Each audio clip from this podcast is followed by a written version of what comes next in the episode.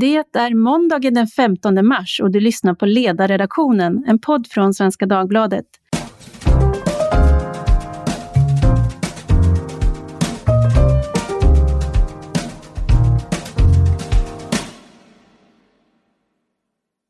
Jag heter Tove Livendal och idag ska vi tala om en ny rapport från Malmö stad som heter Skolgårdsrasism, konspirationsteorier och utanförskap.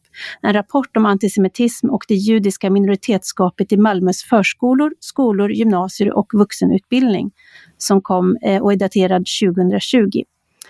Hur ser det ut med antisemitismen eh, i Malmö när det gäller skolor, förskolor, gymnasier och vuxenutbildning? Vad beror det på? Vad har hänt över tid och vad kan göras? Det är det vi ska fokusera på idag. Med mig har jag rapportens författare Miriam Katzin som i höstas utsågs till Malmö stads samordnare mot antisemitism i skolan. Eh, vi ska också för transparensens skull nämna att hon har förtroendeuppdrag för Vänsterpartiet i Malmö, men idag är hon här enbart i egenskap av tjänsteman och rapportförfattare. Välkommen Miriam! Tack så mycket. Gäst har vi också här Fredrik Siradski som är chef för Judiska informationscentret vid Judiska församlingen i Malmö. Varmt välkommen du med. Tack så mycket. Om vi börjar med att försöka beskriva hur läget ser ut och vad som har hänt över tid. Då. Miriam, vill du börja med att berätta om vad rapporten visar? Mm. Ja, rapporten heter ju som du sa Skolgårdsrasism, konspirationsteorier och utanförskap och det sammanfattar tre av de viktiga resultat som jag har funnit.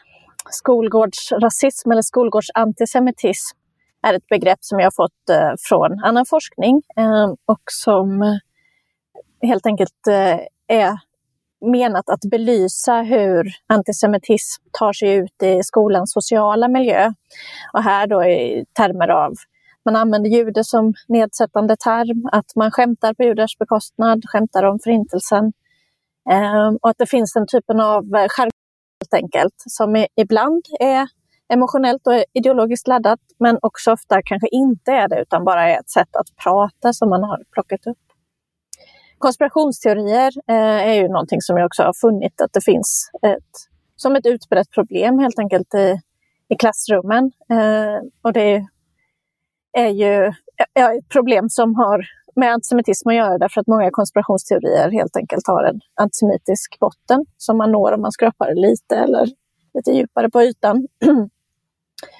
eh, och utanförskap handlar om att eh, situationen som en ung jude i Malmö skolor eller i skolan i Sverige överhuvudtaget ju inte bara handlar om förekomsten av explicit antisemitism utan också om hur man blir eller inte blir inkluderad som minoritet. Um, helt enkelt om det finns en, eh, eh, en jämlik behandling av olika sätt att vara, leva eller fira i, i skolan. Um, och där jag har funnit helt enkelt att för de här judiska barnen så upplever de ofta att det finns helt enkelt ett utanförskap som handlar om att de inte är är inkluderade i en skola som fortfarande har väldigt mycket fokus på det protestantisk-svenska eh,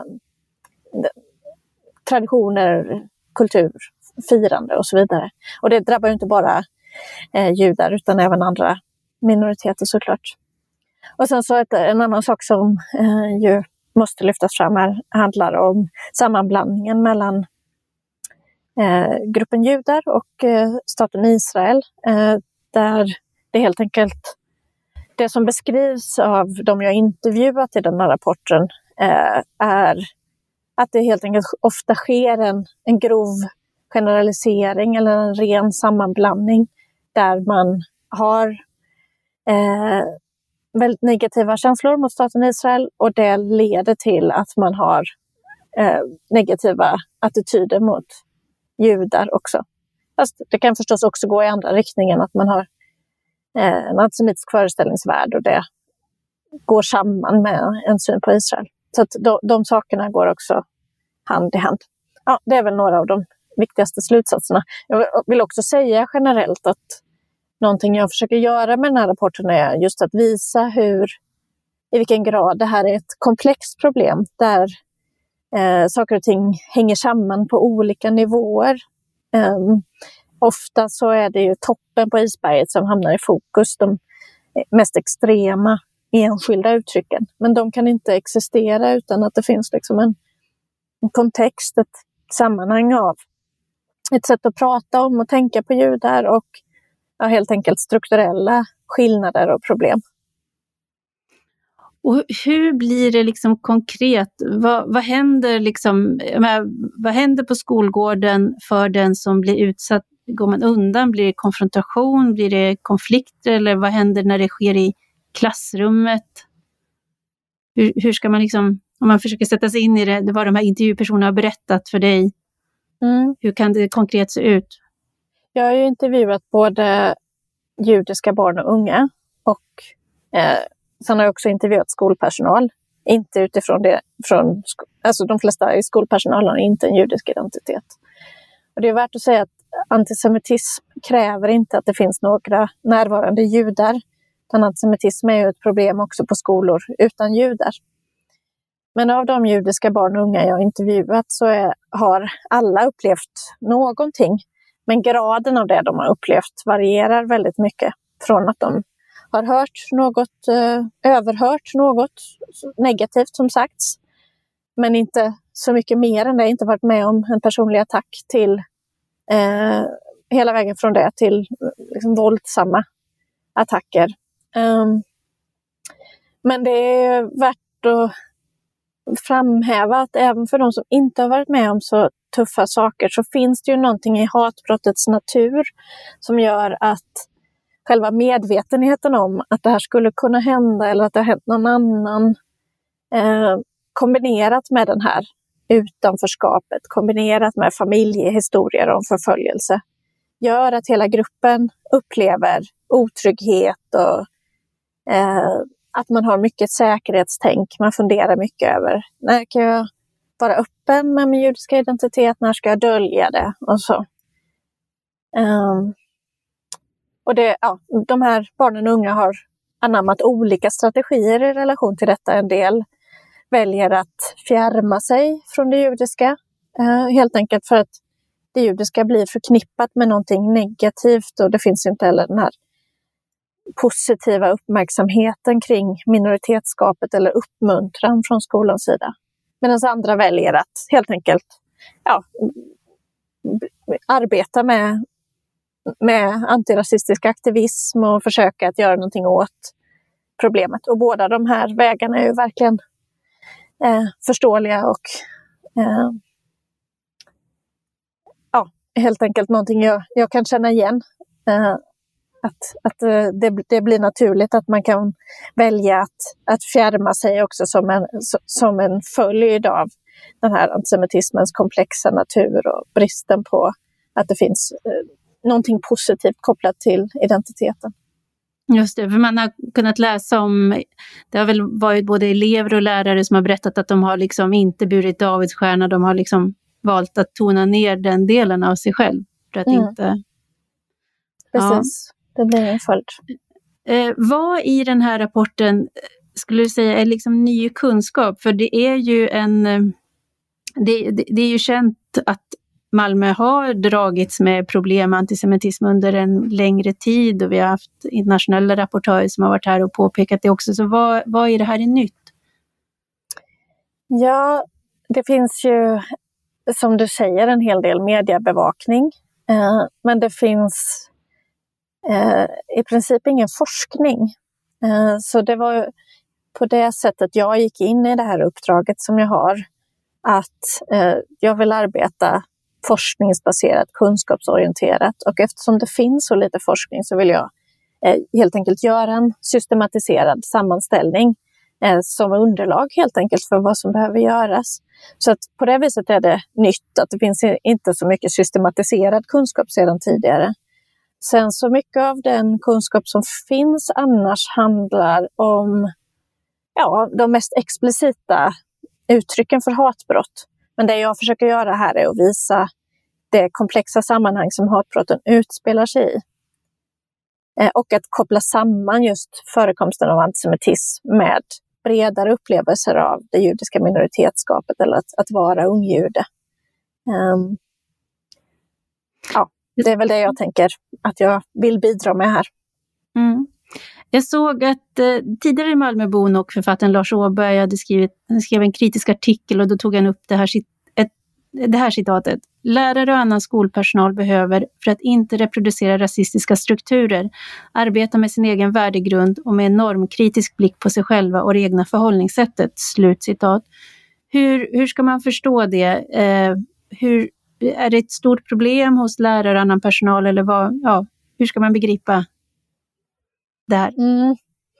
Ja, jag tycker väl, jag är väl inte helt nöjd med den texten för jag tycker att, eh, att han missar vad själva syftet med den här rapporten är. Den är ju skriven eh, från ett skolförvaltningsperspektiv. Jag har ju ett uppdrag från eh, Malmö skolförvaltningar att arbeta med hur skolan, vad skolan ska göra åt problemet. Och då är det också rimligt att komma till slutsatser som handlar om just skolan. Eh, jag är inte satt att undersöka vad andra samhällssektorer eh, ska eller borde göra.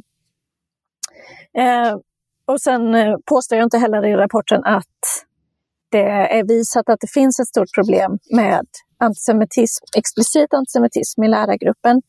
Men däremot så finns det ju eh, ja, en reproduktion av vissa sätt att eh, vara, leva och fira eh, där man helt enkelt behöver arbeta för att skapa en inkluderande skola där alla får vara på lika villkor, även judiska barn och unga. Så det här lilla utklippta citatet i en hundrasidig rapport, det är väl ungefär det som det försöker säga. Mm. Fredrik, hur eh, ser du på den här rapporten? Finns det någonting i den som överraskar dig?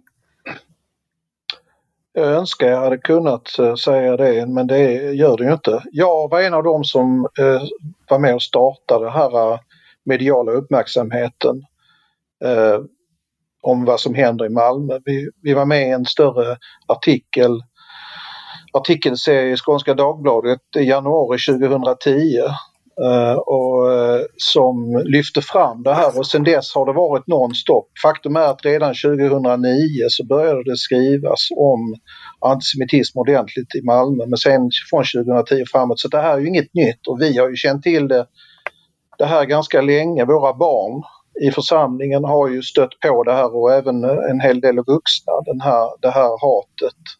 Och, eh, så det finns ju ingenting i rapporten som direkt överraskar mig direkt utan det är precis det som Miriam säger att det behövs en systematisk genomgång och någon form av att sätta det på pränt och att verkligen, verkligen få fram det här på ett, på ett eh, genomgripande sätt. I, alltså media i all ära men det här behöver man verkligen liksom eh, undersöka.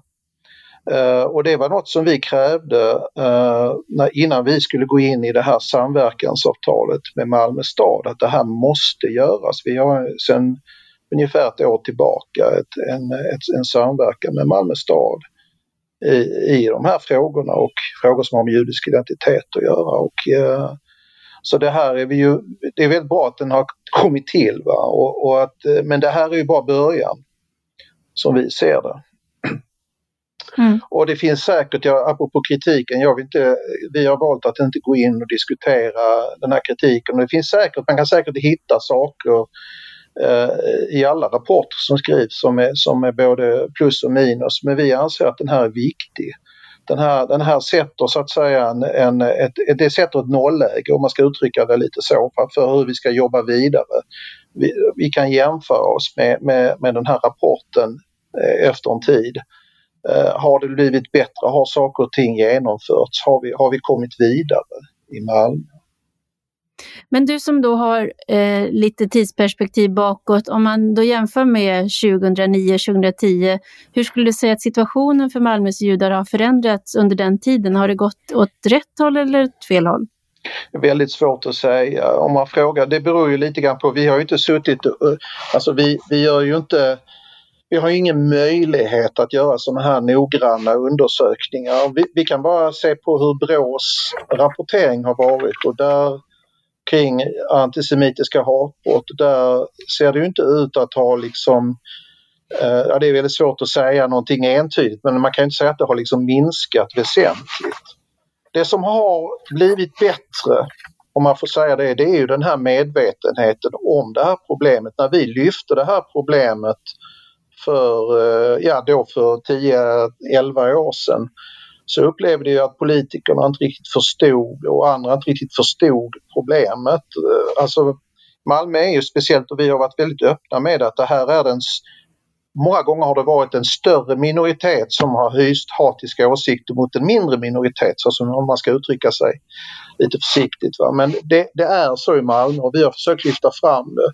Förutom de här anti, eh, så att säga, den här nazistiska, typiska antisemitismen om man ska uttrycka sig på det sättet och den som kommer från extremvänstern. Och det har man inte riktigt velat ta till sig. Idag finns det större förståelse för det, att det är komplext och att det är, och situationen är som den är i Malmö. Där har ju media hjälpt till på något sätt också. Så att, eh, så att det, det, har, det har varit positivt på ett sätt. Va? Och sen också en vilja från eh, ja, Malmö stad och andra aktörer att faktiskt inse att man måste göra någonting åt det.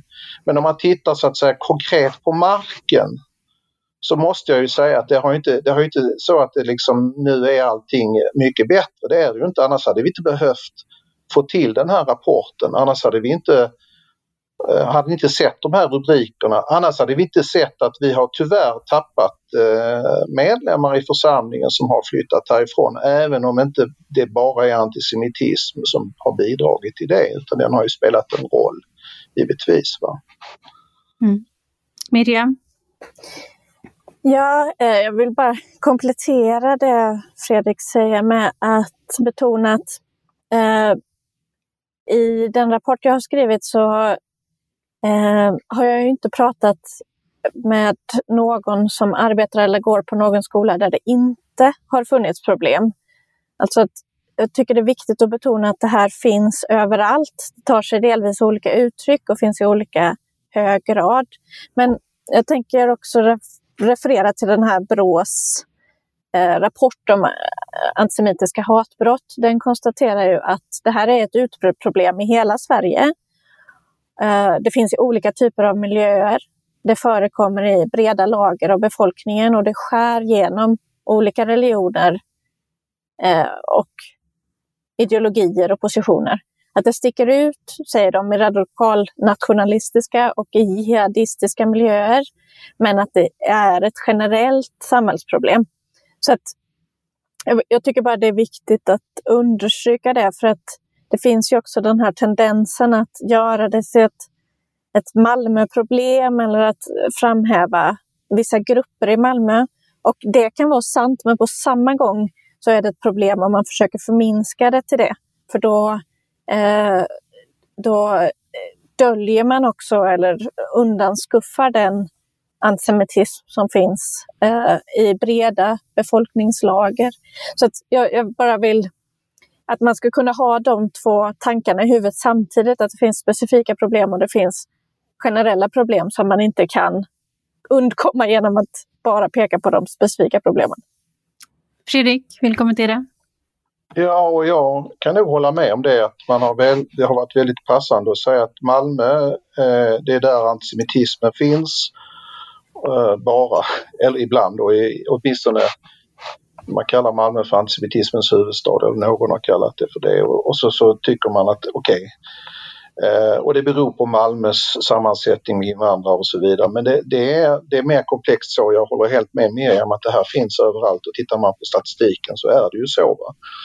Eh, som Brå har kommit ut med. Och, och, det som möjligtvis jag, när du frågar mig om hur finns det något som överraskar mig, inte överraskar mig men skrämmer mig att det är de här konspirationsteorierna som har också kommit som ett element att man säger så att säga vanliga eh, blonda etniska medelklassbarn, om man nu får lov att använda ett sådant uttryck, eh, kan ställa sig upp i ett klassrum och uttrycka alltså rena konspirationsteorier och, och liksom bemöta läraren med, med grejer som den, person, som den här eleven har läst på nätet om judar och om Soros och om andra och, och så vidare. Det här är ju inte bara ett fenomen i, i, i Malmö eller i Sverige, det finns över hela västvärlden den här, de här teorierna och det är ju ett, ett element som har ökat. Eh, men, men, men icke förty så är ju det här eh, som vi tog upp det här med Israel-Palestina-konflikten och den här Mellanöstern-aspekten, den är, den är ju, vi kan inte liksom eh, gömma den någonstans utan den finns i Malmö. Och, och jag är säker på att den även finns på andra ställen och vi måste hantera det. Och som en liten pendang till det så är det ju ett av skälen till att vi har jobbat så mycket i vår församling med de här frågorna proaktivt. Till exempel genom att vara, ta initiativ till det här samarbetet som heter Amanda, mellan vår rabbin och en imam. Och eh, det, är väldigt viktigt att vi har den här, här, den här typen av åtgärder. Absolut, och jag tycker också ju att Amana eh, är ett väldigt viktigt och bra initiativ. Eh, och att, precis som du säger eh, Fredrik, att det här är inte ett... När, det, ja, när det gäller Israel-Palestina-frågan så är det någonting som skolorna ofta tycker är väldigt svårt att ta i.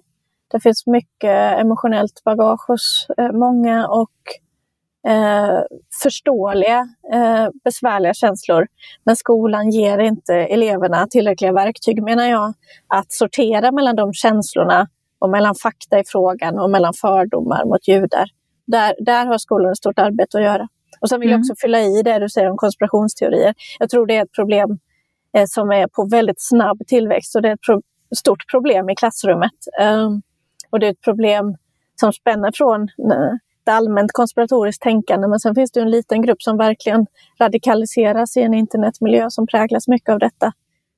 Eh, mm. Vi, vi ska komma in just på det, vad, vad man kan göra. Eh, därför att, och jag vet ju att ni båda eh, har uttryckt att ni inte vill recensera enskilda politiska partier. Det är sånt som vi på ledarsidor kan hålla på med.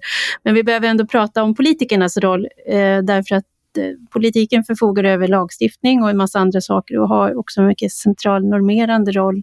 Så utifrån den kunskapen som nu, vi kan säga, nu är det dokumenterat, det är inte bara enskilda eh, mediereportage och det är inte bara, ja, utan nu finns det liksom en sammanställd kunskap. Vad kan och bör politikerna göra utifrån den här kunskapen nu? Miriam, ska vi börja med dig? Vilka åtgärder lyfter du fram i rapporten? Mm. Nu vill jag börja med att påminna om att, att det här är ju riktat mot skolan. Då. Men jag tror att skolan är ett väldigt viktigt verktyg här överhuvudtaget. Det, jag skulle kanske peka på tre saker framför allt. Det första är att det behövs en kunskapssatsning.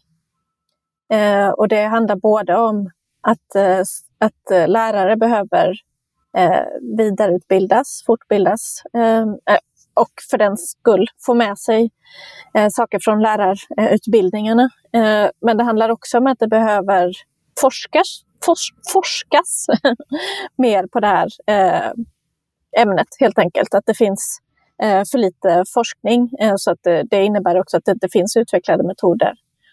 Det andra handlar om att jag tycker att man ska arbeta med att förverkliga de nationella minoritetsrättigheterna i praktiken på det viset att det judiska minoritetsskapet och de andra nationella minoriteterna, att det ska ges mer utrymme helt enkelt och mer stöd.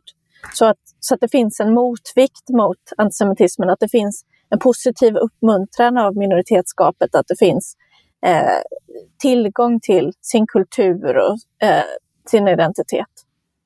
Och det tredje handlar om att skolan behöver prioritera det generella värdegrundsarbetet, det generella arbetet med antirasism och skapa en miljö där alla har respekt för sig själva och för andra. Och där skolan i sig inte är en plats där rasistiska hierarkier, stereotyper, exkludering reproduceras.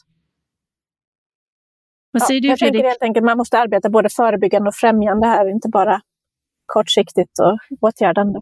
Jag kan inte mer än hålla med.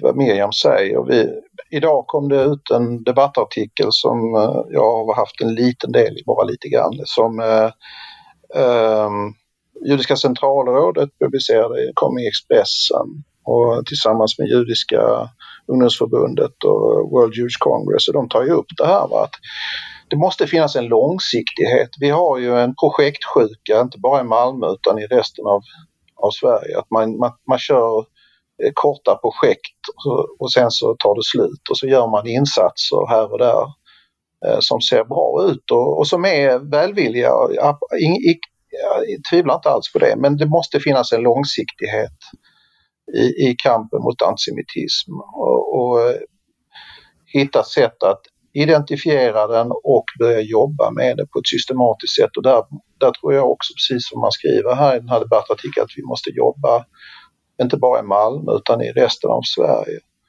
Och att man måste titta på, om vi tar skolan, precis som du är inne på, man måste stärka eh, lärare och skolpersonal i de här frågorna. Men en sak som vi, som vi lyfter fram också det är att jobba med föräldrar.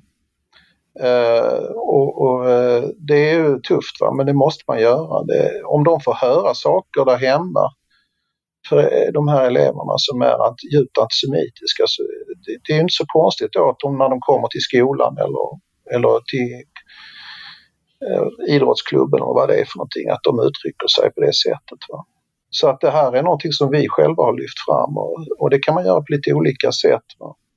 det, jag tror att det, det är ingen som är emot eh, så förståelsen för att det är långsiktigt och förståelsen för att det liksom bottnar i att man, man som delar samma ja, värdegrund, är är ett ord som är djupt utskällt, men, men i den bästa betydelsen så in, innebär det ju liksom en, en eh, tolerans för människor som man kanske inte lever med, men att, att man som alla har sitt utrymme.